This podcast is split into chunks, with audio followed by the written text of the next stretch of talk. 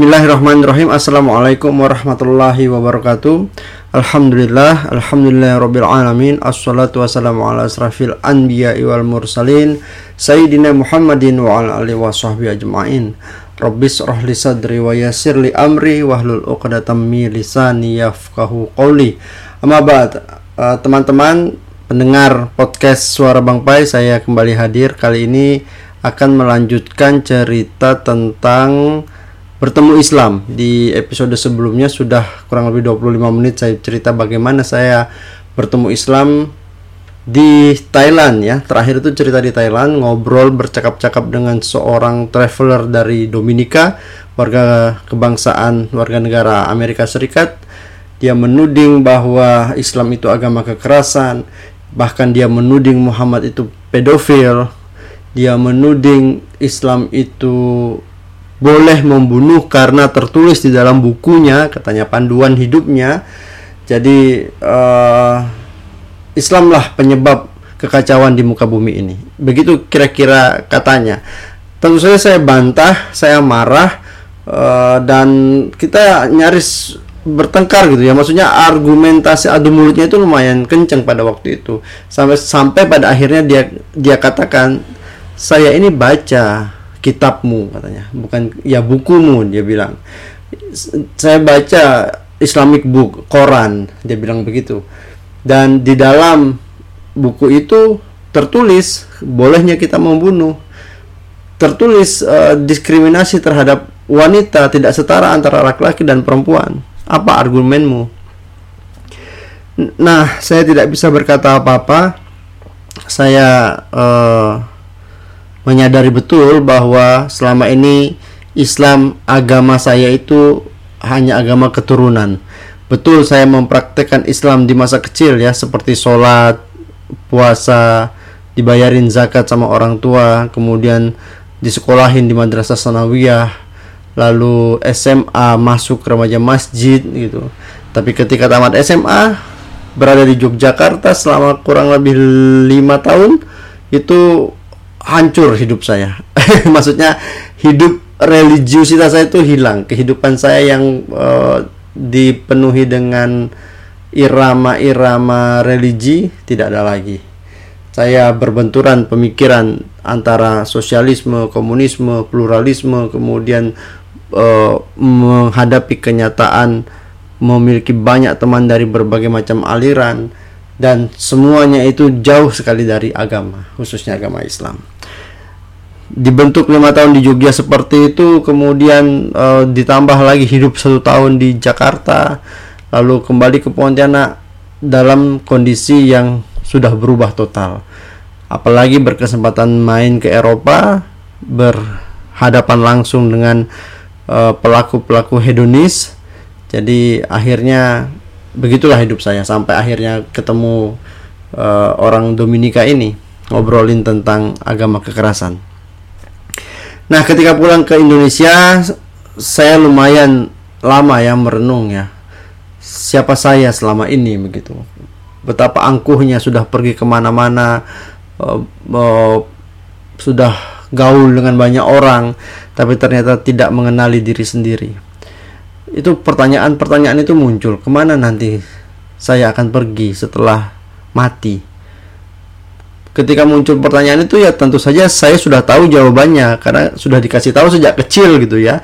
Kita ini orang yang beragama Islam. Kalau di dunia berbuat baik maka nanti setelah mati kita ke surga. Kalau di dunia berbuat jahat maka sesudah mati kita akan neraka. Dan perbuatan saya selama hidup ini adalah perbuatan jahat. Kenapa jahat? Karena seluruhnya itu melanggar perintah dari Allah Subhanahu wa taala. Apa baiknya menyamakan satu agama dengan agama lain? Apa baiknya tidak sholat? Apa baiknya tidak puasa dan segala macam? Itu itu sempat saya menangis beberapa kali bahkannya beberapa hari maksudnya merenung malam hari e, mengingat mati gitu kemudian menangis harus ke mana saya harus ngapain saya tidak tidak bisa berbuat apa-apa selain uh, bersedih ya berhari-hari itu. Pada waktu itu lagi musim YouTube, teman-teman. Ini sekarang ini kan sudah bukan musim lagi, ini sudah sudah apa? sudah jadi gaya hidup ya YouTube uh, sosial media dan segala macam nah pada waktu awal-awal dulu itu uh, ya orang-orang baru-baru saja menonton YouTube lumayan agak sering dari biasanya gitu. Ini masa-masa transisi lah. Nah, ustadz-ustadz YouTube itu bermunculan. Mohon maaf, mohon maaf, ustadz bukannya uh, ini ini konotasinya positif ya. Saya menyebut ustadz-ustadz YouTube itu maksudnya para pendakwah, para penceramah itu uh, di zaman sosial media ini memasuki era ini mereka mengubah cara dakwah atau memperlebar sayap dakwah dengan sosial media, dengan platform YouTube gitu. Kalau di masjid mungkin yang mendengar hanya jamaah masjid, tapi ketika ini direkam kemudian dipublikasikan ke seluruh dunia, yang mendengar bisa seluruh dunia. Nah, saya bagian dari itu. Saya mendengarkan Yusuf Estes, seorang mualaf yang masuk Islam di Amerika. Saya mendengarkan Ahmad Didat, saya mendengarkan uh, Nauman Ali Khan di awal-awal ya. Saya suka orang-orang itu alasannya simpel ya karena mereka berbahasa Inggris dan saya uh, suka mendengar orang berbicara Inggris kalau saya mengerti sekaligus menjadi pembiasaan bagi saya kalau saya tidak mengerti ya saya belajar untuk mencari tahu artinya begitu. Jadi eh, orang-orang uh, yang beragama Islam mualaf rata-rata dari barat itu saya dengarkan di awal-awal. Lumayan menenangkan hati saya, uh, tapi saya belum mendapatkan jawaban. Sampai akhirnya saya mendengar uh, para pendakwah dari Indonesia seperti Ustadz Hanan Ataki kalau tidak salah Hanan Ataki, ada Ustadz Hadi Hidayat, ada Ustadz Khalid Basalama, ini orang-orang yang populer di YouTube ya. Belakangan nanti menyusul Ustadz uh, Abdul Somad gitu. Tapi kayaknya munculnya belakangan ya, dibandingkan Ustadz Khalid Basalama. Saya mendengarkan uh, Ustadz Felix Xiao saya mendengarkan uh, Ustadz Salim Afila saya mendengarkan berbagai macam ceramah orang-orang Indonesia uh, tujuannya ingin agar hati saya tentram gitu. ingin agar hati saya tenang. Karena berhari-hari pada saat itu pasca uh, pulang dari luar negeri itu saya sangat gelisah. Saya ingin mencari jawaban kenapa hidup saya seperti ini, kenapa saya sampai takutnya minta ampun gitu. Ya, saya takut, teman-teman. Takut mati. ya yang pasti itu saya takut mati. Dari tontonan YouTube itu apakah saya mendapatkan jawaban? Jawabannya tidak. Saya tidak mendapatkan jawaban, tapi kalau sedikit tenang iya lumayan lah gitu ya lumayan. Kan misalnya uh, para dai tersebut membaca ayat Quran kemudian uh, kita mengerti artinya lalu mereka me menjelaskan tafsirnya itu kan menenangkan jiwa ya. Ada lagi yang hal-hal kita tidak tahu lalu dengar ceramah akhirnya menjadi tahu gitu. Tapi ada pertanyaan-pertanyaan yang tak terjawab. Saya merasa tak puas karena ini hanya satu arah saya perlu diskusi, saya perlu berdialog. Saya perlu bertanya dengan orang secara langsung. Nah, pada saat ini pencarian dimulai. Yang saya ingat adalah seorang teman, teman minum kopi karena di Pontianak saya suka ngopi gitu. Saya kenal orang ini dari tahun 2008. Mohon maaf kalau saya salah ya. Kejadiannya 2015. Saya flashback ke belakang pernah bertemu dengan orang ini tahun 2008 dan bercerita Islam di kedai kopi gitu. Sampai 2015 itu ya kami masih akrab dan sosoknya ketika ketika ngomong Islam ya dia gitu. Ketika uh, ketika dia ketika mikirin dia mikirnya Islam. Akhirnya saya hubungi saya saya ajak cerita di kedai kopi. Saya bertanya tentang Islam yang uh, mungkin membuatnya terkejut ya karena karena kalau dia adalah uh, image Islam uh, apa pencitraannya itu adalah pencitraan seorang muslimin yang soleh gitu. kalau saya pencitraan sebaliknya astagfirullahaladzim jadi uh, saya ajak ngobrol berhari-hari itu uh, tentang uh, tentang agama ini tentang uh, bagaimana seharusnya kita menjadi orang yang taat gitu sampai sampai kemudian uh, dia mengeluarkan pertanyaan yang pertanyaannya itu tak jauh berbeda dengan pertanyaan saya ketika saya nangis-nangis di kamar malam hari ketakutan itu. Pertanyaannya dari mana berasal? Untuk apa kita hidup? Ke mana? Setelah mati. Nah waktu saya nangis-nangis di kamar itu kan saya kerap bertanya ya nanti ke mati ke mana? Uh, ke neraka pasti kan. Nah ternyata ada pertanyaan yang apa?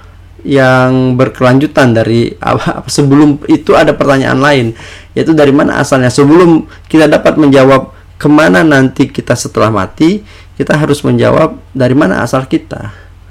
Lalu kita berada ada sekarang ini kita hidup ada nyawa ada ruh. Lalu untuk apa kita hidup ini nah jawab pertanyaan itu kalau terjawab maka bisa jadi guidance untuk menjalani hidup ini. Dalam ya, teman-teman. Ini dalam banget. Ini dialog warung kopi yang cukup dalam dan kita lakukan berhari-hari atau bermalam-malam lah ya. Kalau siang hari teman saya ini bekerja, uh, malam nongkrong di warung kopi gitu. Sampai terus-menerus obrolan ini cukup lama, uh, dia menawarkan kalau mau kita rutin katanya.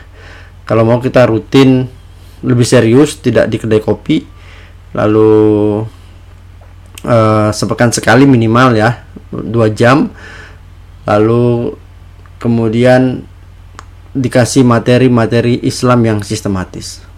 Ya tentu saja saya mau. Saya mau kita bikin janji waktu itu kalau tidak salah saya yang disuruh menetapkan waktunya. Kapan waktunya? Oh ya uh, keputusan keputusan kita kemudian uh, kajian pekanan ini setiap pekan ini itu setelah saya eh, betul-betul apa betul-betul mengaku bertobat se se seikhlas ikhlasnya gitu. Ya semoga saya ikhlas pada waktu ya. Waktu itu uh, yang saya lakukan sholat berjuang agar bisa sholat lima waktu dan memang ini susahnya minta ampun ya. Waktu itu berhasil sholat tiga waktu. Sholat zuhur sholat asar sholat maghrib. Sholat isya suka uh, dilama-lamakan akhirnya tidak sholat tertidur. Sholat subuh suka bangun siang begitu.